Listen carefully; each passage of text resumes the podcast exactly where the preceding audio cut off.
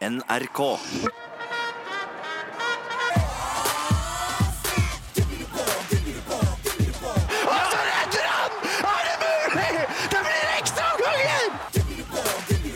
Timeout.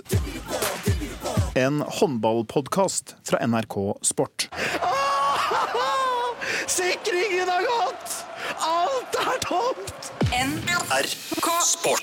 Ja, hei sann. Ja, du ja. Du som har valgt å gå inn og høre på denne stemmen. Nå prøvde jeg å gjøre meg litt, eh, litt mer sexy. Jeg vet ikke hvorfor jeg gjorde det. Eh, velkommen skal du være til en eh, ny podkast, en ny mandag. En ny gjest.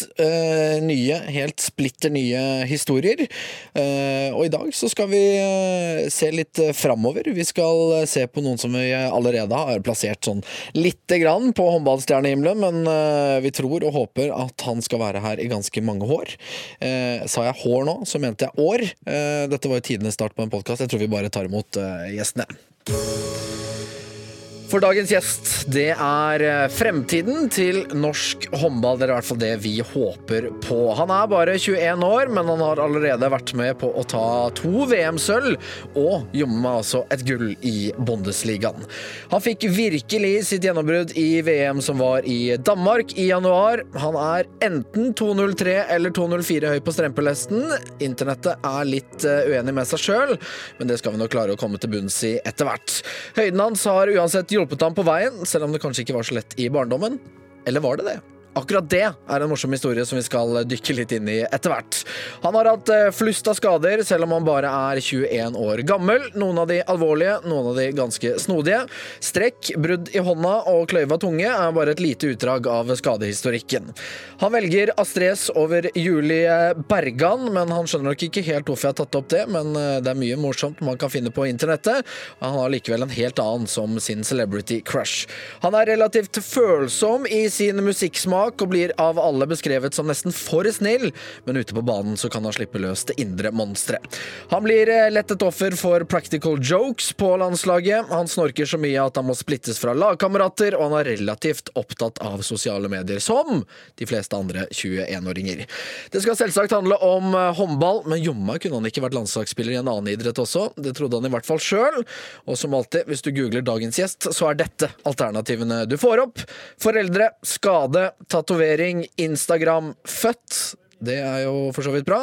Vekt og lønn. Han får ingen lønn for å være her, men det er likevel glede å ha deg på plass eh, helt gratis. Magnus Ablevik Rød, velkommen. Jo, tusen takk. Så skal det sies at du er jo ikke på plass, for uh, du er jo i uh, Tyskland. For uh, som alle andre profesjonelle håndballspillere, så må man jo være og trene i sin klubb. Men uansett veldig hyggelig og gøy at du er med. Hyggelig å være her. Hva tenker du om introen her? Er det noe du som gjorde deg nervøs? Er det noe du beit deg merke i? Nei, det var, var, var en god del uh, der som man kanskje trodde man hadde glemt. Men uh, det var hyggelig å få, uh, få hørt det om igjen. Skal vi ta noe av det siste først? da? Altså, du har jo nå 44 landskamper i håndball, men jeg skjønner at det kunne blitt en annen idrett på deg? Ja, det, det kunne jo det en, en periode. jeg hadde en liten blunder der da jeg gikk på videregående skole, hvor jeg ble litt høy på meg selv.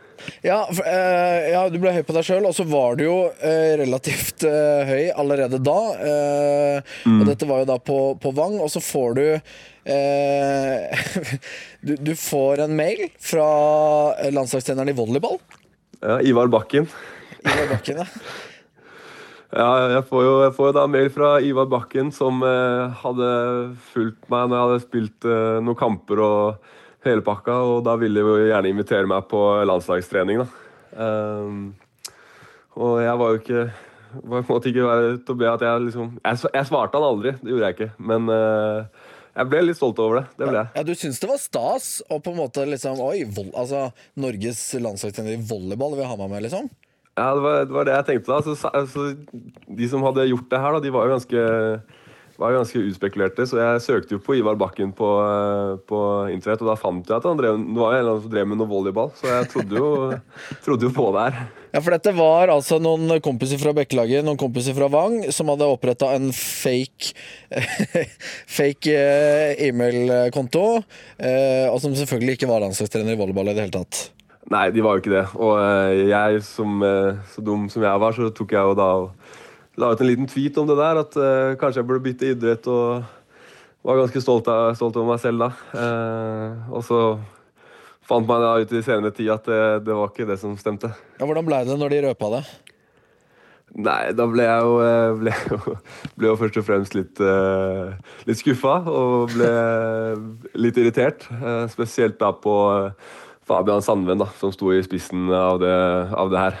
Ikke volleyball, men det går rykter om at du er ganske god i fotball også, spesielt eh, triksing. Ja, det stemmer. Jeg kan, kan trikse så lenge jeg vil. Du kan trikse så lenge du vil. Ikke noe ikke noe, det, er, ganske, det er ganske vågalt å si.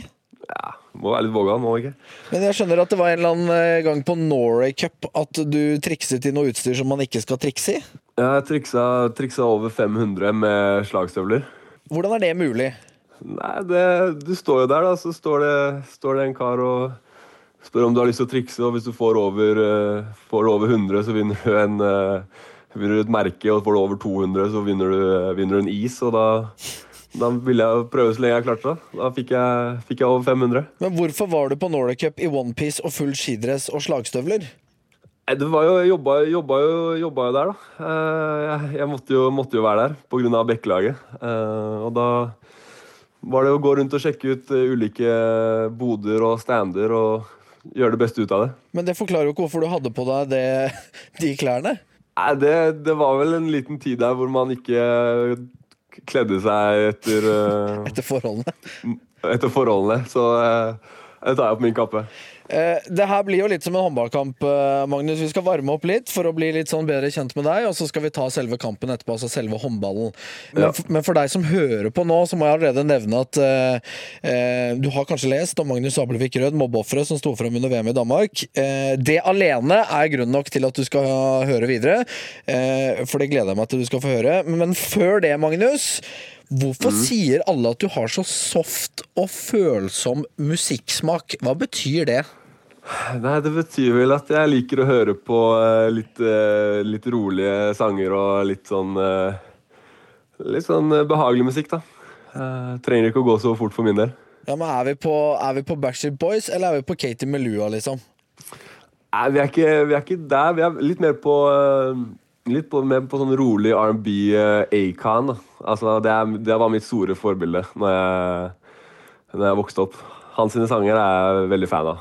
Men, men altså, eh, hvorfor kaller de deg at du hører på Blir du veldig følsom? Altså, Kan du begynne å gråte av musikk? Um, da, da, skal det være riktig, riktig, god musikk. Jeg tror ikke jeg er på, på gråten, men uh, jeg begynner vel kanskje å tenke, tenke, meg litt om. Det gjør jeg. Altså, jeg har fått beskjed om å spørre fra noen som har møtt deg ute på uh, staden. Uh, hvordan er du på dansegulvet, da? Nei, da, da, da, tror man vel kanskje at man er litt uh, bedre enn det man er. Uh, det, er ikke, det, er ikke, så lett å bevege, bevege over to meter med kropp, men uh, jeg prøver nå, prøver nå, litt. Jeg har fått høre at du er litt stiv. Ja, jeg er nok litt stiv. jeg får ikke gjort så mye, mye med det, men jeg har tenkt at det er bedre å prøve da, enn å bare sitte der. og så må vi jo komme til bunns med Er du 203 eller er du 204 høy? Um, jeg er 204 høy, men spør du moren min, så er jeg 203. ok, Hva ligger i det? Nei, det er vel det at jeg eh, alltid har målt meg, og uh, moren min har alltid tatt med en sånn uh, sikkerhetsmargin. Uh, det var en gang det ble et, ble et, tema oppe med gutta også, hvor vi snakket om det. Og så sier jeg at jeg er 204, og så kommer moren min inn, inn og skriker han, han, bare tuller, han er 203. Eh, så det er på en måte blitt en liten greie, da. Men eh, når vi googler deg, så er jo eh, altså, høyde er jo en av de tingene som også selvfølgelig omtales en del. Men eh, eh lønn, eh, vekt, født Jeg aner ikke hvorfor det kommer født. Instagram, det skal vi komme litt tilbake til. Men tatovering? Mm. Hva slags tatoveringer er dette? Nei, jeg har jo jeg har to tatoveringer som jeg har tatt. Um, som på en måte representerer litt ting som, har vært, eh, eller som er viktig i livet mitt. da. En av Astrid S og en av Julie Bergan? Nei, da hadde det eventuelt bare vært Astrid S, men uh, det, det, er ingen av de delene. Hva er, du, hva er, det du, har da? Nei, jeg har jo tatovert da på, på overarmen eh, på venstre side så har jeg tatovert et eh, ja, hva skal si, et eh, quote som, som, står på latin, eh, som er 'Faber esue quisque fortune'. Eh, og så har jeg da eh, romertall med moren min sin fødselsdato. Du må, du må nesten, altså jeg, jeg, vet ikke om verken jeg eller de andre er så veldig gode på latin, så jeg, jeg føler du trenger en oversettelse. Jeg trenger en forklaring. Nei, det betyr, det betyr egentlig at du, eh, du, styrer over din egen skjebne, da. Eller din egen, uh, egen framtid. Det er egentlig det. Ok. Og helt til slutt, uh, si meg at vi var inne på Astrid S og Julie Bergan her. Det var jo fordi jeg fant en gammel internettartikkel uh, med en pur ung Magnus Ablevik Rød som skulle svare hot eller not på Astrid S mm. og Julie Bergan. Og da ble det hot på, Julie Bergan, nei, hot på Astrid S og not på Julie ja. Bergan. Men det var en annen som var din celebrity crush, og det blir jo vi i NRK glad for. Ja, det tror jeg med, med Josefine Skam-Nora. Skam-Nora. Eh, Josefine Petterson. Hvorfor det? Ja, det var jo, var en periode når, man, eh, når, livet dreide seg om uh, skam, da. Og da, da, var det, da var det fint å se, se Nora der. Du, vi, skal, eh, vi, skal, bevege oss litt mer over på håndballen eh, nå. Eh, så skal vi komme tilbake til en del av de utenlandssportslige historiene etterpå. Eh, du starta karrieren din i Oslo, nærmere bestemt Bekkelaget. Hvordan, hvordan, har det vært å vokse opp i, i den klubben?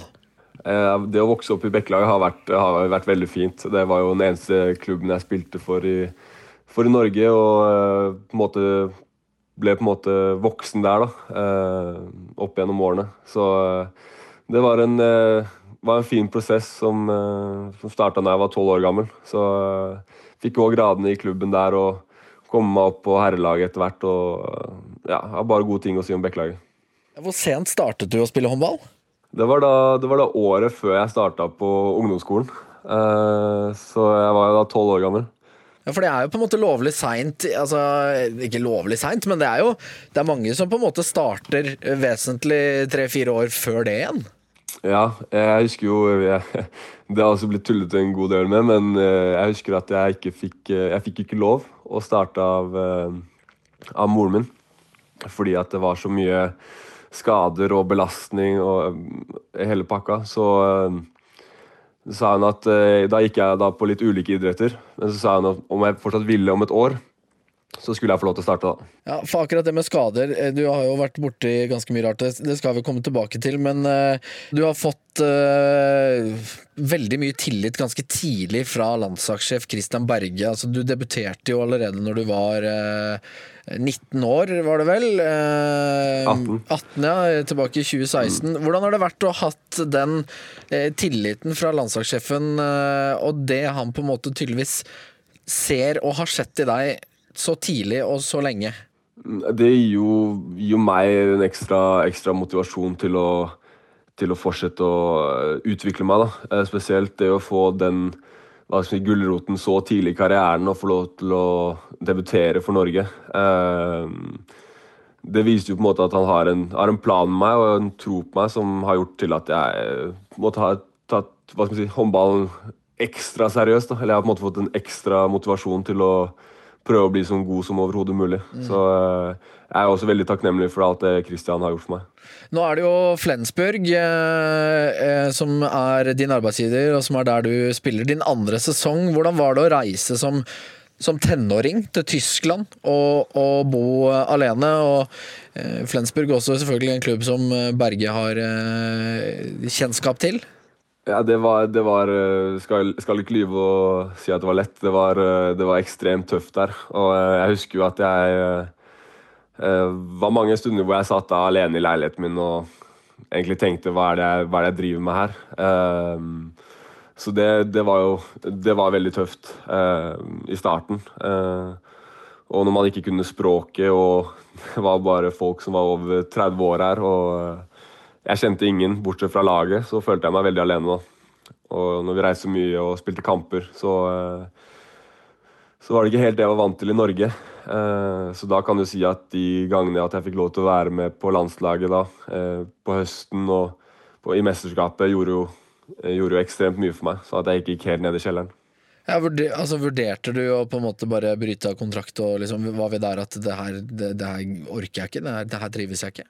Uh, ja, du kan vel si at uh, i starten der, så Eller hva vi ikke starten, men det kom en periode i november-desember hvor man egentlig tenkte at uh, hva er det man driver her, med? Og så ble man skadet i tillegg i hånda. Og da var jeg veldig, veldig langt nede og tenkte egentlig på, på hva, er, hva er neste steg, egentlig. Men så kom det da en periode med, med, at man fikk litt mer spilletid, og man fikk lært seg språket og kom litt mer inn i laget. og da, Det gjorde jo til at man da ville fortsette å å bygge noe her, da. Ja, for, og det klarte du jo så definitivt, for i din første sesong så ble du jo eh, seriemester i eh, Tyskland på relativt dramatisk vis, og her var du direkte involvert. Hva som skjedde eh, i den eh, avgjørende kampen der? Nei, vi, jo, vi, var vel egentlig forberedt på at vi ble nummer to igjen, eh, etter at Løven cruisa gjennom siste del. Eh, men så går de på noen smeller, da, og da møter vi Guppingen hjemme, som har, eh, som har, ni spillere å bruke. Eh, og hvor to er keepere. da. Og vi tror vel egentlig, jeg tror, vi håper jo egentlig at vi bare kan kjøre over dem og sikre tittelen. Men det skjer jo ikke. Det blir jo et uh, rotterace, og vi spiller uh, veldig dårlig håndball, og de spiller veldig dårlig håndball. Uh, men så kommer de på slutten, og det er en ett minutt. Så skal de kjøre en flyver. Uh, og Da tar Lasse Svan og, og tar og avhindrer den flyveren, og så da står jeg plutselig med ballen, eh, ballen, i hånda og aner egentlig ikke hva jeg skal gjøre. Ja, altså, hva, du, du, aner ikke hva du skal gjøre? Nei, det, det minuttet der egentlig, har egentlig gått litt i svart for meg. Jeg husker, jeg husker, egentlig ikke så mye av det. Jeg husker bare at plutselig står jeg med ballen i hånda og ser mot benken, og der, eh, der er treneren vår, eh, Mike da, Machulla, som uh, står og står og ser på meg, og jeg aner ikke hva jeg skal gjøre med den ballen. Jeg blir jeg er helt fryst. Ja, du, altså du bare Men hva, hva, hva, altså, hvordan kommer du da ut av, av, av frysposisjon? Uh, det, det, som, det, som, hjelper til veldig, er at vi har da målvakten vår uh, kommer ut av seksmeteren. Fordi uh, Guppingen tar da og dekker alle min, altså mine medspillere. og da kommer han ut der. Så da får jeg kasta ballen med en sånn Eh, Jeg vet ikke. Jeg får bare gitt fra meg ballen på et eller annet vis, og han står med ballen i hånda. Jeg, til den dag i dag så er jeg litt usikker på hvordan jeg fortsatt jeg klarte det, men da står heldigvis han med ballen i hånda, og da, da, er det ikke min feil lenger, hvis noe hadde skjedd. Ja, For der tenkte du konsekvenser, i stedet for å tenke uh, nå kan jeg avgjøre? Ja, nå, altså, da, leda, da leda vi med to mål. og altså Egentlig så kunne vi på en måte ha løpt en, uh, løpt en kontring, eller vi kunne gjort et eller annet. Uh, og det er jo på en måte litt det jeg har har gjort mye av i Flensburg. Men akkurat der og da så ante jeg ikke hva jeg skulle gjøre. Men det ble uh, seier til dere. Dere fikk skåringen. Uh, var det deg, eller hvem var det som satte den siste? Det var, det var Rasmus, Rasmus Lauge som tok den. Og det er jo en god del relativt gode spillere i Flensburg også i fjor, men, eh, men også da i år. Eh, danskene Rasmus Lauge, Lasse Svan, svenske Jim Gottfridsson, eh, Magnus Jøndal er der, flere norske er det. Det er mange stjerner også. Altså, hva har det betydd for deg at altså Etter min opptelling så er det 11 av de ofte 15-16 som er i kamptroppen, er jo enten fra Norge, Sverige eller Danmark. Ja, det, det, er jo sånn, vi, som, sånn det skal være, egentlig. Uh, nei, det har vært, uh, det har vært veldig, veldig, fint for meg. Og det å få ned de norske hit nå har også gitt meg en veldig, veldig trygghet. Uh, og nå er vi litt flere spillere som er med på min alder, selv om de da igjen er, er eldre enn meg. Så har, vi, så har vi mer da en ung tropp, da, istedenfor i fjor hvor vi var mange, mange veteraner. Eh, hva slags rangordning er det i, eh, i Flensburg, da? Hva slags eh, oppgaver har du? Eh, jeg har jo da ansvar for uh, ballsekken. så til hver eneste bortekamp eller hjemmekamp så er jeg nødt til å ta med, ta med ballsekken. og den må jeg da ta med inn i ta dem inn i leiligheten min, sånn at ballene ikke, ikke, ikke fryser på natta. og så at de er eh, klare til, eh, klare til kamp dagen etterpå. Ja, For du er ikke noen stjerne da? Da er du den yngste som får drittoppgavene? Ja, da, da, er, da er, man det. Eh, altså Alle har på en måte hver sin rolle i, i laget, men eh, det er vi unge som har, eh, har det verste. Og nå eh, trives du bedre. Nå kan du språket. Sprechen Sie Deutsch? Ich spreche Deutsch ohne Problem.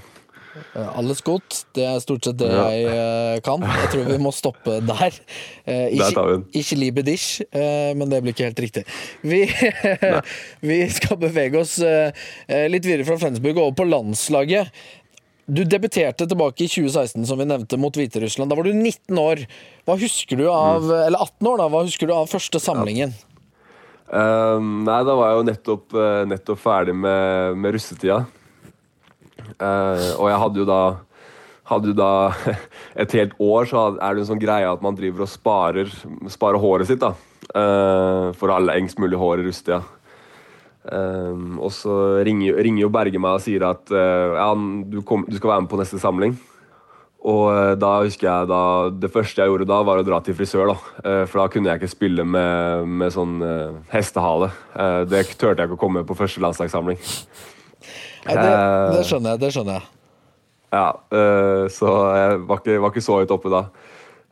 men når jeg, var, når jeg var på samlinga, så husker jeg egentlig at det gikk, det gikk overraskende fint. Eh, jeg spilte ganske naturlig Det gikk ganske naturlig for meg, og jeg fikk jo da mye, mye oppmerksomhet fra Berge, som liksom fortalte meg hvordan han ville at vi skulle spille og ha det. Eh, og ble godt tatt imot av alle sammen rundt. da. Eh, så gjorde det veldig lett å, lett å komme inn.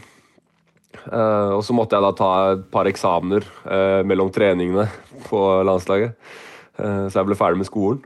Eh, og så fikk man da spille den hva skal si, debutkampen uh, hjemme da, i Oslo Spektrum. Så det var helt, uh, helt fantastisk.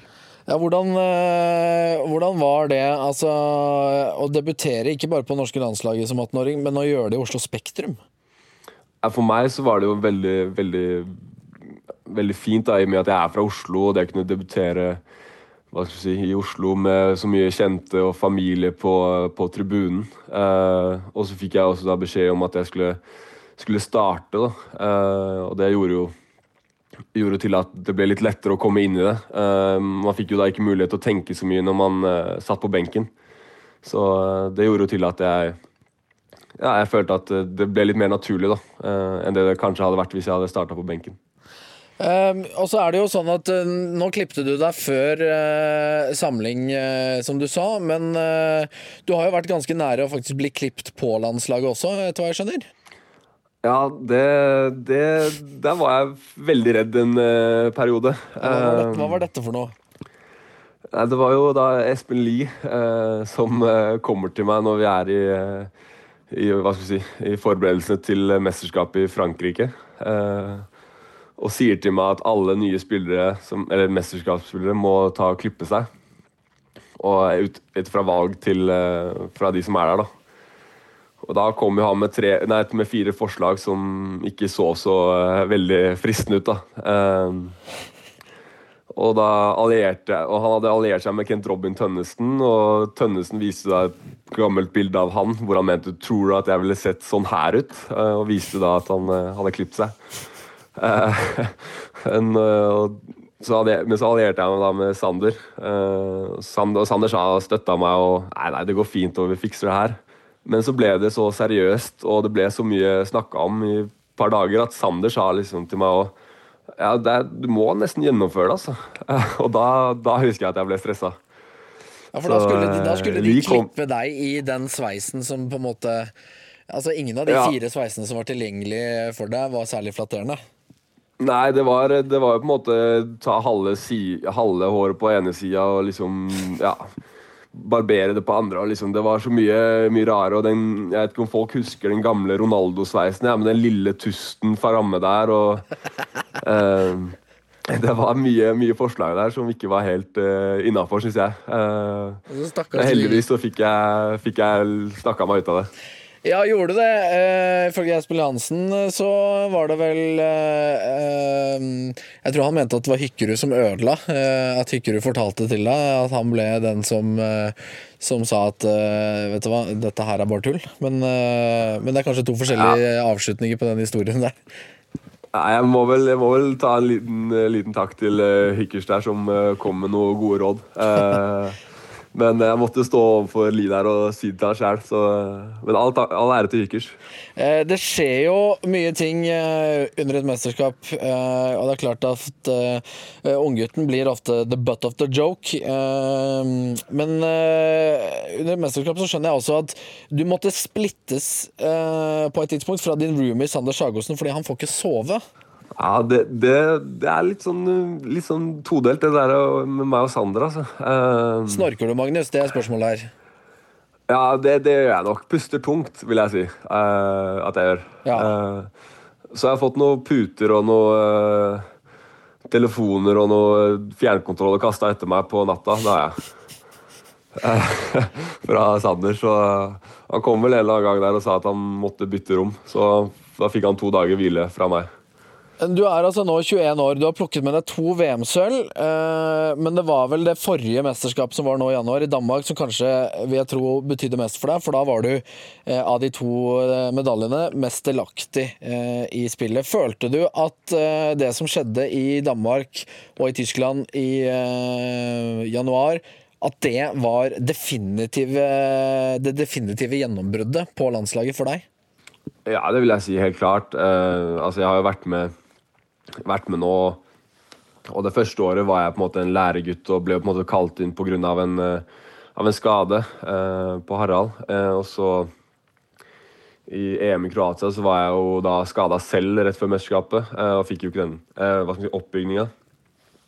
men nå så fikk jeg da lov til å stå i litt avgjørende situasjoner og sent i, sent i mesterskapet. og jeg fikk på en måte litt vist hva jeg, hva jeg kan, og eh, det var, det var veldig Hva skal jeg si uh, Som du vil si, da. Et veldig gjennombrudd for min del. da. Du ble jo skadet i uh, semifinalen mot Tyskland. Var det noen gang aktuelt å ikke spille den finalen? Hvor Hvis vi skal være litt ærlige her, på en måte, hvor Ja, hvor, hvor, klar var du egentlig? Nei, det er helt klart at det skulle jo mye til for meg at jeg ikke skulle spille, den, spille den finalen så er det jo alltid en da, sak mellom, mellom, meg og landslaget og, og, klubblag, fordi man har jo på en måte en, eh, en, si, en, et arbeid der som man skal tilbake til rett etter mesterskap. Så har man jo en uke, og så skal man jo spille en Bundesliga-kamp. Eh, så jeg husker jo at man snakka veldig mye med, med, de forskjellige partene. og jeg ble jo enig at det ikke kunne bli noe det kunne jo ikke bli noe verre. Men det var jo helt klart at jeg var jo ikke hva skal si, jeg var, jeg var, klarert, men jeg klarte ikke å spille, komme opp på det samme nivået da, som jeg hadde spilt i tidligere mesterskapet. Så det var veldig, veldig synd for, eh, for, min del også, og for, ja, for alle. Eh, det ble jo VM-sølv eh, igjen, og så sier vi bare at gullet kommer. Eh, skal vi ikke være enige om det? Jo, det, det, det er en fin, fin greie, det. Underveis i VM så kom det jo en stor sak eh, om deg. Eh, at du hadde vært eller sto fram da, som et, eh, et mobbeoffer som ung, og ble mobbet for, eh, for høyden din i, i, eh, i barne- og ungdomstiden. Og pga. den saken så har du jo også i ettertid blitt motfadder. Eh, eller mm. mot ambassadør, heter det vel. Um, mm. Mange husker nok sikkert den saken, uh, og jeg vet at du også har skjønt at det har betydd en del for unge spillere i ettertid, for du har bl.a. fått en del mm. meldinger på sosiale medier og, og sånne ting. Eh, mm. Men la oss begynne med det første først, Magnus. Var ja. du et mobbeoffer? Nei, det var jeg absolutt ikke. Jeg men hva i all verden er det som har skjedd da? Nei, det, det er det at uh, Uten å nevne navn, så kan man vel si at noen journalister uh, vrir og vender på noen ord man uh, sier, og i hvilken rekkefølge det kommer i. jeg har aldri, aldri vært et mobbeoffer. Jeg har da selvfølgelig fått kommentarer på på hvordan jeg, altså hvordan jeg er, altså, eller på hvor høy man er. Men uh, jeg hadde en veldig fin barndom, og jeg hadde masse venner rundt meg. Så uh, å sette meg i en, i en, sånn kategori blir helt feil. Uh, men så kan jeg da forstå at man er nødt til å selge, selge overskrifter. Uh, så det er vel kanskje det man har prøvd å gjøre her. Men Det er ikke meninga å begynne å le, men her opplever du altså at uh, bar, altså venner fra barndommen ringte deg og sa liksom, eller sendte melding og sa du, jeg beklager hvis du, opp, altså, hvis du på en måte følte at, at jeg mobbet deg. Mm, jo, jeg fikk jo, fikk jo altså, Når det kom ut, så fikk jeg en enorm ja, si, respons både på godt og vondt. Altså, jeg fikk jo da veldig mange som da kan kjenne seg igjen i i, i, min situasjon på en måte ikke med at man spesielt da eh, om det er hva det er, om det er høyde eller hvordan man ser ut eller hva man har på seg. Eh, sånne ting. Men, eh, men da fikk jeg også meldinger av eh, gamle bekjente som liksom sa det var ikke meningen, og liksom, jeg trodde ikke at det var sånn. og og jeg, da måtte jeg, jeg, måtte jo være ærlig og si at uh, nei, du, det, gikk, uh, det går helt fint. Jeg hadde det veldig fint. jeg fikk jo la, jeg fikk en lang melding av, av, han ene som jeg var på barneskole med, som skrev til meg at han ikke kunne skjønne det, og at vi hadde det så veldig bra sammen og syntes at det var helt feil framstilt. Og da sa jeg jeg er helt enig. altså, så, så. altså, poenget her er jo uh, at dette gikk jo så Eller nå sånn i ettertid, da, så har det jo gått så langt. Altså, du har jo blitt uh, Du har jo blitt motambassadør. Uh, og jeg vet mm. jo, uh, for vi har prata sammen, at uh, det er jo noe du er stolt av, og du kan jo på en måte gjerne stå inne for alle disse tingene, men samtidig så Du har jo på en måte blitt motambassadør på feil grunnlag, på en måte, da. Jo, men det, det, var også en greie jeg tok opp med Mot før man tok og signerte. At uh, jeg ville jo Jeg ville veldig gjerne jeg, altså jeg, jo, jeg, fikk jo på en måte tilbudet fra dem eh, da, og så sa jeg at det vil jeg gjerne gjøre. Men uh, når vi da ble enige om å stak, altså, sette oss ned og snakke sammen, så fortalte jeg da min side av saken, da, og sa at det som Jeg vil ikke at de tingene her som er blitt sagt, skal bli blåst opp fra deres side. Uh, for det er ikke sånn jeg uh, ser på det. Og de var jo da veldig, veldig mottagelige og var veldig enige om at liksom Det skjønte man. Uh, og da fikk jeg da sagt min side av saken, og det er da mer å fremme det jeg mener, da. for det er jo på en måte ikke greit å, å, si, å få, en, få en avtale for noe du ikke står for. da. For jeg vil ikke si at jeg var noe mobbeoffer.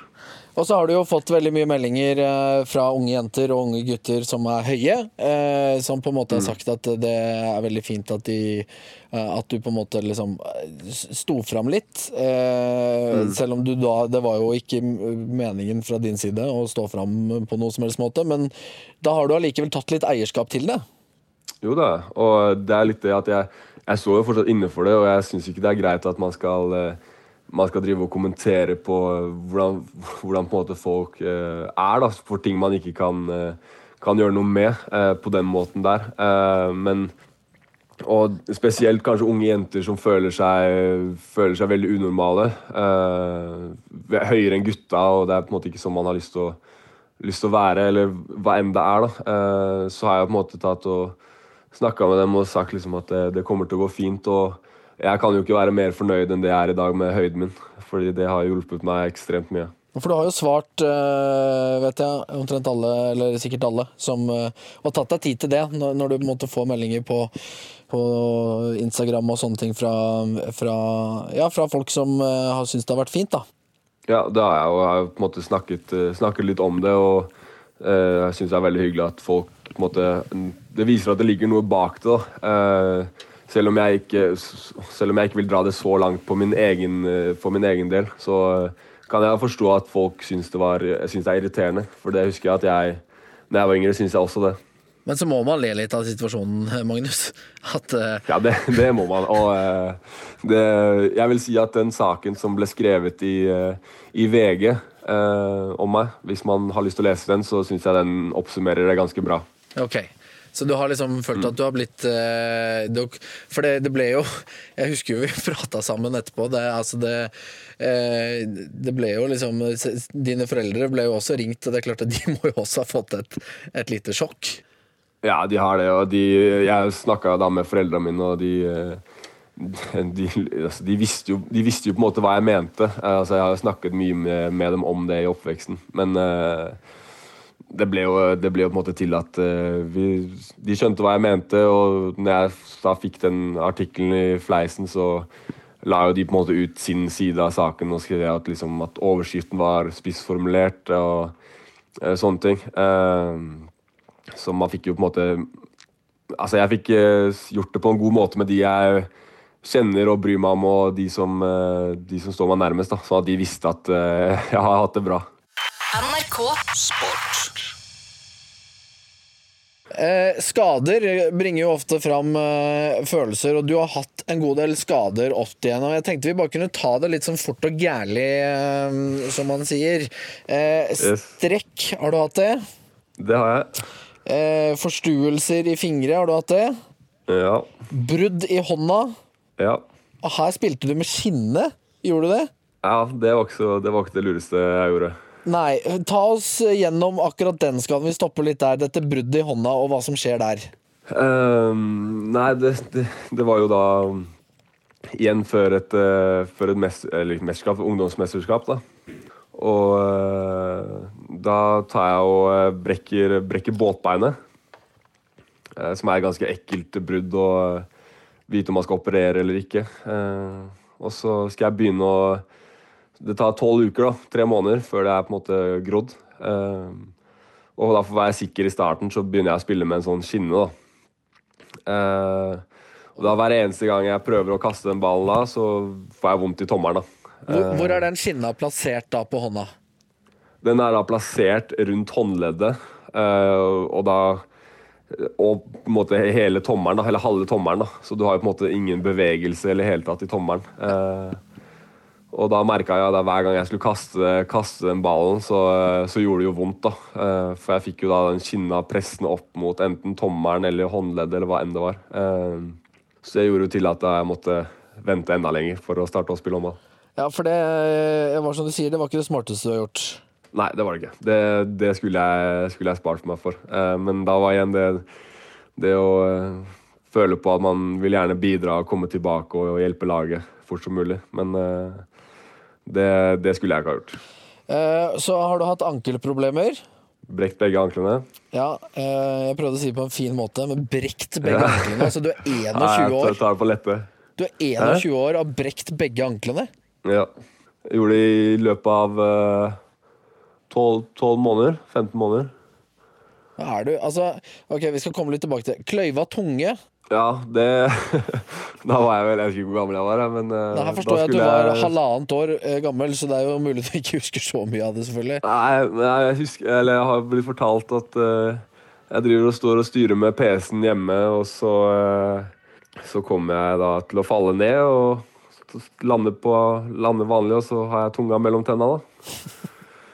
Og da Da går det mye blod. Altså, det, det var, jeg skal innrømme, det var ganske morsomt å snakke med din mor, eh, eh, Ja. for det har jeg gjort i forkant. Og da fikk jeg et lite innblikk i hvordan du var som barn. Eh, Ja.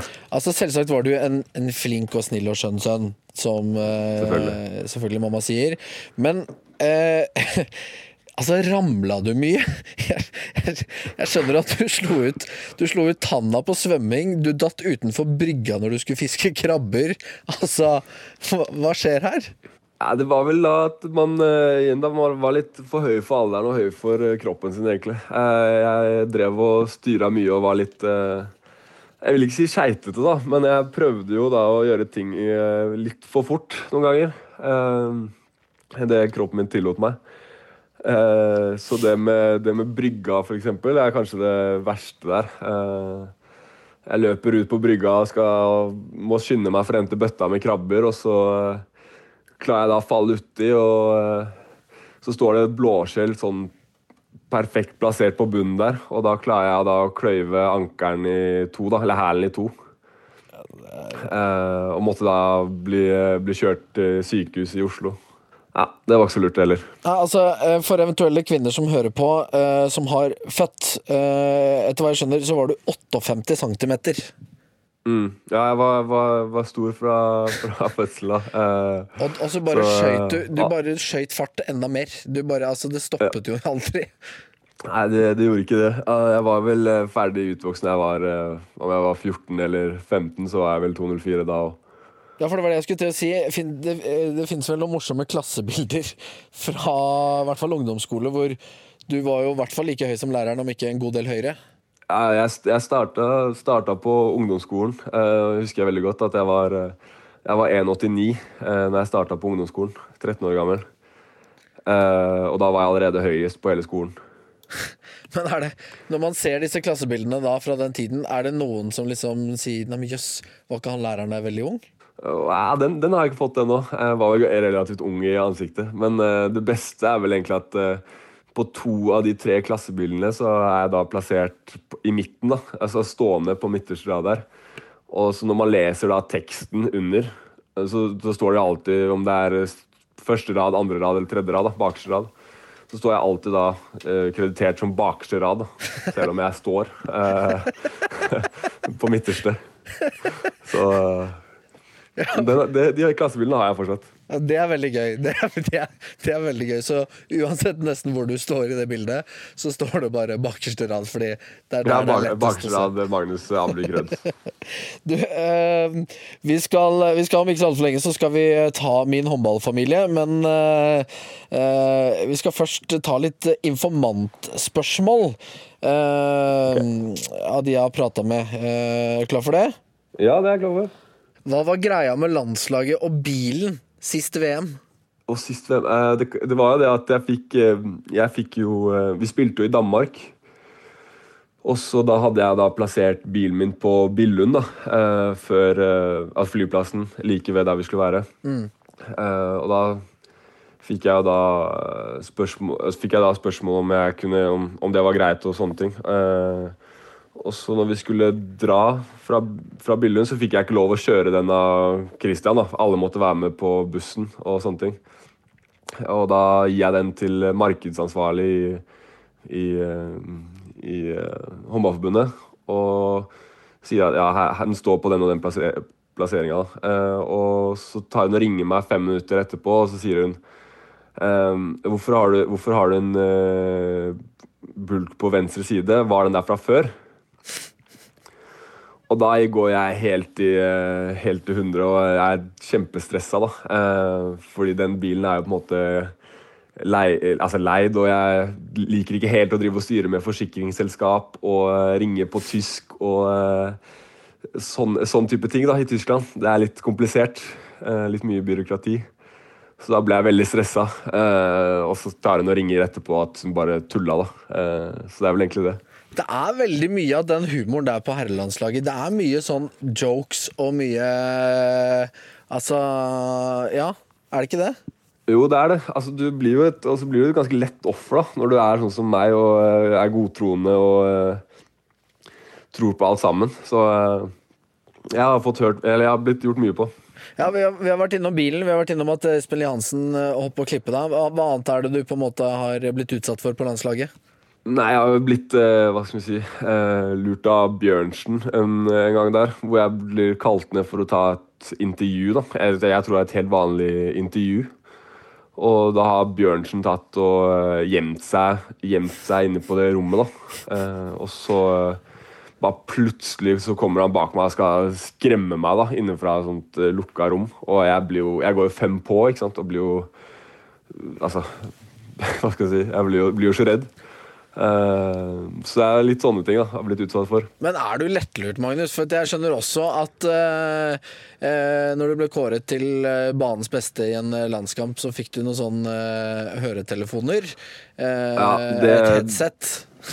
Da, da, da, igjen, da, så har vi gode Espen Lie Hansen, da. min første landskamp og så stolt og fått det, der, fått det headsetet og så fornøyd. da. Jeg har drømt om et sånt headset i flere måneder der. Eh, og så får jeg det bare. Og så kommer Espen Lie til meg og sier at eh, ja, det er sånn tradisjon at eh, den første, første bestemannsprisen du får da, når, er, når du kommer på landslaget, den skal du gi bort til kapteinen. da.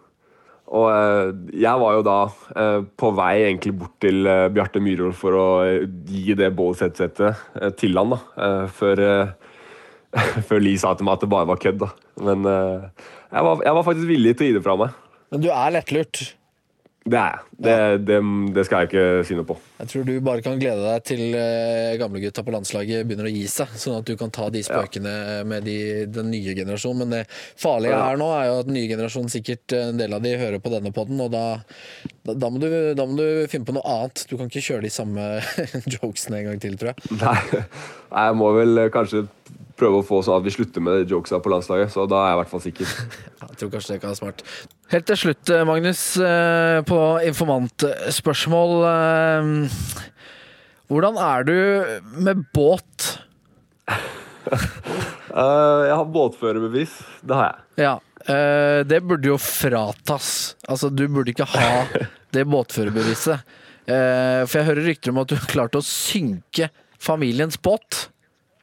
Um, ja, litt sånn halvveis forsikringssvindel her. Nei, Nei da.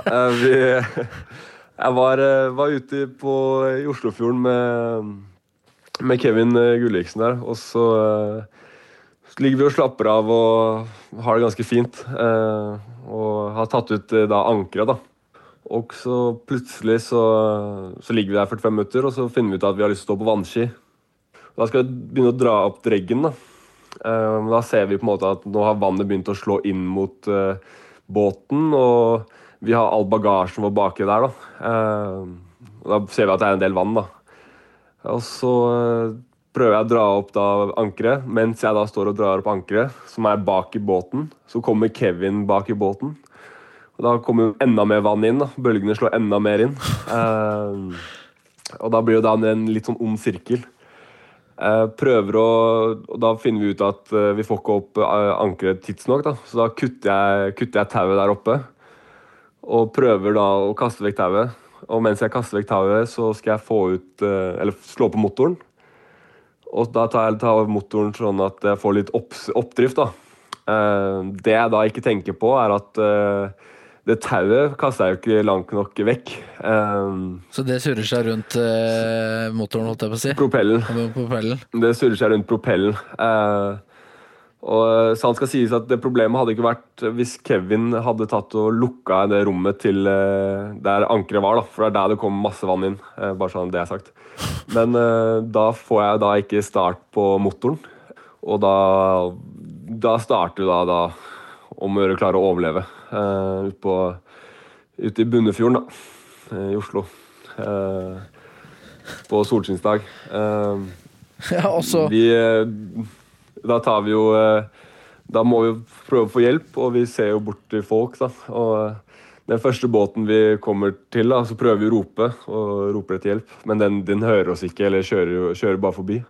Og da, Nå begynner, jo, nå begynner på en måte halve båten å stå liksom på, være under vann. da. Um, og så kommer det da en annen, annen båt av mot oss og spør om vi har gått på grunna. Og det har vi jo ikke, da. Vi har jo bare klart å surre inn tau i motoren. Um, og da har fått inn vann. Uh, så da tar de jo tar over tingene, og uh, vi får redda inn det viktigste.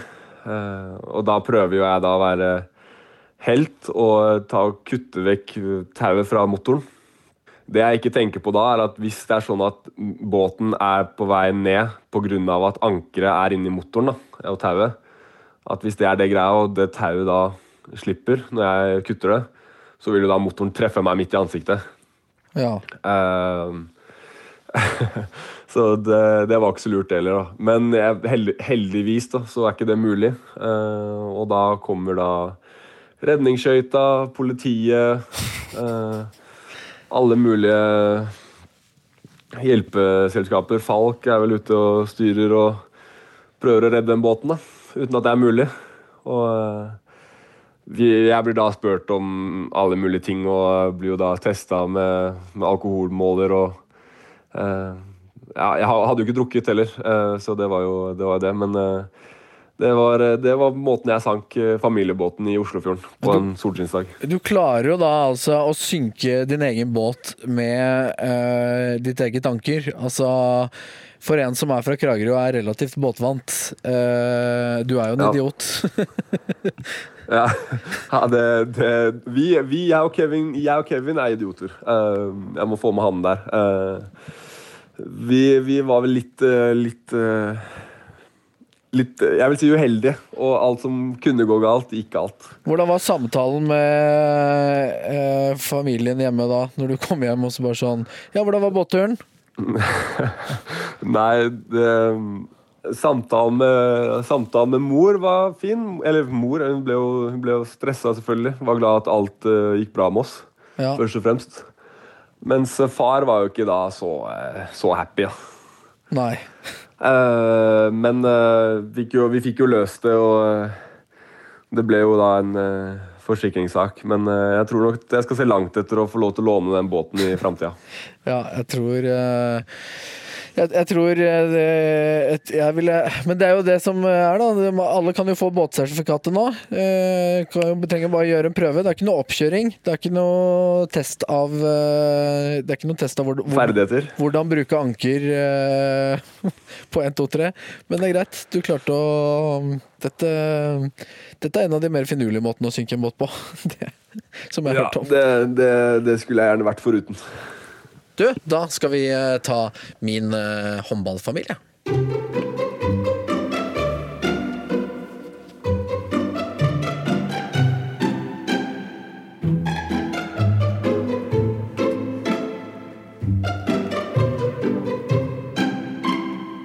Ja, det er sikkert bare jeg som fortsatt liker den jinglen, men eh, jeg syns den setter oss i en eh, fin stemning. Eh, min håndballfamilie, dette afrikanske ordtaket som hvis du hørte på podden hver gang, er du sikkert dritlei å høre at jeg forklarer, men tenk på de. Det er kanskje noen som hører det for første gang, og det er altså et afrikansk ordtak som sier sånn at det kreves en landsby for å oppdra et barn, men jeg tenker også at det er litt sånn i forhold til håndballen, at skal man bli god sjøl, så må man ha folk med gode kvaliteter rundt seg. Og da skal hver gjest få lov til å velge seks kvaliteter som eh, man skal ha med seg. Så parer vi det med en eh, håndballspiller. Og de seks kvalitetene som Magnus har valgt, er altså ledertypen. Det er godstoget, holdt jeg på å si. Hurtighet. det er stjernefaktor. Det er profesjonalitet. Det er den kreative, og så er det maskinen som eh, har kommet inn. Da har vi seks kvaliteter. Skal vi bare begynne med Ja, vi kan begynne med ledertypen. Eh, det blir jo kapteinen på en måte på dette laget. Magnus, hvem har du valgt og? Der har jeg valgt uh, Tobias Karlsson, uh, som er da kapteinen min her i Flensburg, uh, og forsvarssjef. da. han er egentlig bare han er valgt fordi at jeg tror faktisk ikke jeg har hatt en en bedre kaptein eller ledertype rundt meg noen gang. Uh, man får så mye små tips og, og, ulike ting man kan gjøre bedre. Uh, så jeg er veldig glad for at jeg kunne hatt han i de to årene her i Flensburg. Og så har vi, eh, eller du har tatt med hurtighet eh, som en kvalitet. Eh, hvorfor det? Hvem er det du har tatt med? Ja, det har jeg tatt med Kevin Gulliksen eh, for landslaget. Jeg har spilt sammen med han i i mange år nå, i Bekkelaget og litt på landslaget også. Og eh, han eh, løper den 40-meteren ganske mye fortere enn eh, resten, altså. Han, han, det er en kvalitet jeg gjerne vil ha i mitt lag. Eh, bra. Kevin Gulliksen inne, Tobias Karlsson inne. Eh, da eh, ville du gjerne ha med en med, med stjernefaktor. vil ikke være stjerne sjøl, da? Er det, ok, det er noen som kan konkurrere mot deg, da?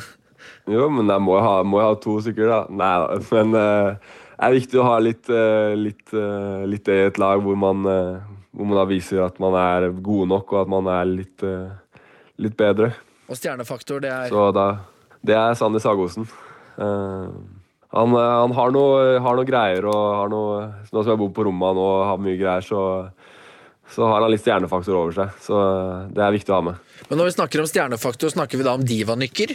Nei, ikke, ikke spesielt divanykker, men eh, det er litt det å vise, eh, vise at, man er, eh, at man er god nok, og at man tør å stå for det. Og at man går utpå der og er selvsikker da, og har troa på det man gjør. Så stjernefaktoren er inne med Sagåsen. Han har vært med på ganske mange lag opp igjennom nå. Christian O'Sullivan vet jeg du har tatt med på neste som profesjonalitet. Hvorfor Christian O'Sullivan? Jeg har, har jo også da spilt spilt et år med Christian i, i Bekkelaget og har vært med på landslaget hele min periode. og Jeg tror ikke det finnes en utøver som, som er så profesjonell som det han er. Han, uh, han gjør, jeg føler han gjør alt, uh, eller veldig mye riktig. Og uh, har på en måte ingen unnskyldning for noe som helst. og Får han, får han en arbeidsoppgave, så gjør han den 100% Så det er en spiller å ha i et lag. Så eh, da har vi på en måte et litt annet spekter igjen, eh, litt nærmere Sagos. på en måte. Vi skal ha inn en artist. Eh, den kreative mm. tror jeg kanskje jeg glemte faktisk å si i stad. Eh, men du har det som eh, en av eh, kvalitetene. Hvem skal inn her? Da er det Kenta Mahé. som jeg spilte med i, i fjor i Flensburg. han er en veldig allsidig spiller som kan spille i veldig mange posisjoner og kan gjøre nesten alt med den håndballen. Han, han skyter det meste av, har det meste av skuddvarianter og pasninger. Så han er helt klart uh, en type man burde ha et lag. Ja, og dette er uh, framtiden til Frankrike igjen. Mm, ja. Da er det maskinen som er siste kvalitet du skal uh, ha inn? Ja, da må jeg få inn, uh, få inn en tysker, da, for å ha inn det. Johannes Golla.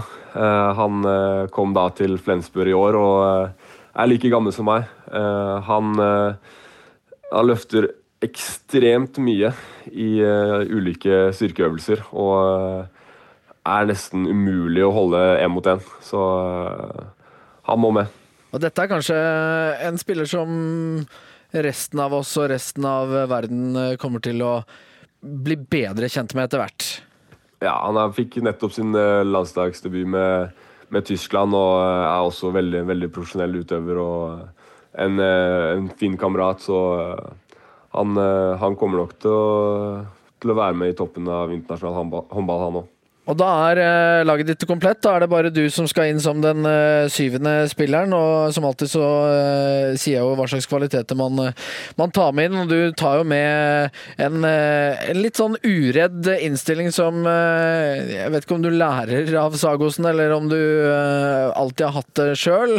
Jeg vet jo for så vidt at ikke du alltid har hatt det sjøl, for jeg vet jo faktisk at du var redd for å skyte når du var yngre. Så, det var jeg, så den har du fått etter hvert. Du tar med med deg en, en, eh, en rappet, en uh, ungdommelig pågangsmot, og uh, så tar du med deg et, et det jeg vil beskrive som et, eh, et, veldig bra hode. Altså et håndballhode og en fyr som har eh, verdiene og hodet på, på veldig rett plass. Og det, det, tror jeg er viktig også å ta med seg ut på, på parketten. Og så har, har, du selvfølgelig alle de kvalitetene som vi så i VM i januar, som, som gjorde at du fikk det definitive hjemmebruddet. Så da tror jeg at du kommer til å passe godt inn med, med, resten av den gjengen her. Men du må ha en uh, trener som passer på deg likevel. Hvem er det som skal få lov til å trene denne buketten? Nei, det, det, er, eh, det, er, han som kan mest om eh, håndball. Eh, det er da Christian Berge. Jeg har jo da aldri hatt en trener, tror jeg, som kan så mye håndball som det han kan. Han, han tenker på sånne små detaljer som, han, som jeg ikke har tenkt på i hele tatt. Så han skal få lov til å være coach på det laget her. Bra. Eh, jeg vet at det er mange som, eh, som eh, trives godt med, med Christian Berge, og for en jobb han har gjort med det norske herrelandslaget de siste årene. Det er ganske fantastisk. Da gjenstår det egentlig bare én ting, og det er at vi må ha et lagnavn på laget ditt, Magnus. Mm. Nei, da, da, går jeg for noe som er ganske enkelt og fint, som blir brukt mye. Så det er Allstars. Ja, det er, eh, det er, lov. Det er mer enn en lov. Eh, jeg tror faktisk det er det punktet som folk har vært minst innovative. Så Allstars, det funker, eh, det funker ja. fint. Da er vi faktisk ved veis ende med nok en gjest. Nok en gjest som overrasker litt. Jeg håper dere har lært litt nye ting. Og, og trivdes i vårt selskap med historiene til Magnus. Har du hatt det gøy sjøl, Magnus? Det har vært veldig hyggelig. Så bra. Eh, jeg pleier alltid å si før vi avslutter, har du en spesiell måte å si farvel på? Si ha det på? Ja, da kan vi si, eh, som vi sier i Tyskland, uh, auf Wiedersehen. Ja, det passer fint. Auf Wiedersehen. Kan du si vi ses neste Eller vi høres neste mandag? Vi høres neste mandag. Alt på tysk? På tysk, ja. uh, vi, hø vi hører oss neste mandag. Ja, det Magnus sa.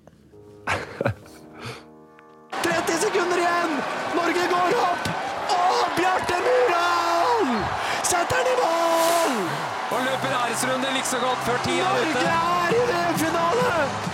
Er det mulig? Christian Berge ser opp mot himmelen! Det er noen der oppe som ser ned på de norske håndballgutta og unner de alt godt! De, de omfavner hverandre på benken og ikke skjer. Vil ingen ende ta! De er ute! Norge er i VM-finale! det mulig?! Ja, det er det! Ja, det var eh, Hvorfor hente hjertestarteren til Patrick her, for nå, nå blir det tøft. Det er eh, bare å klippe seg i armen.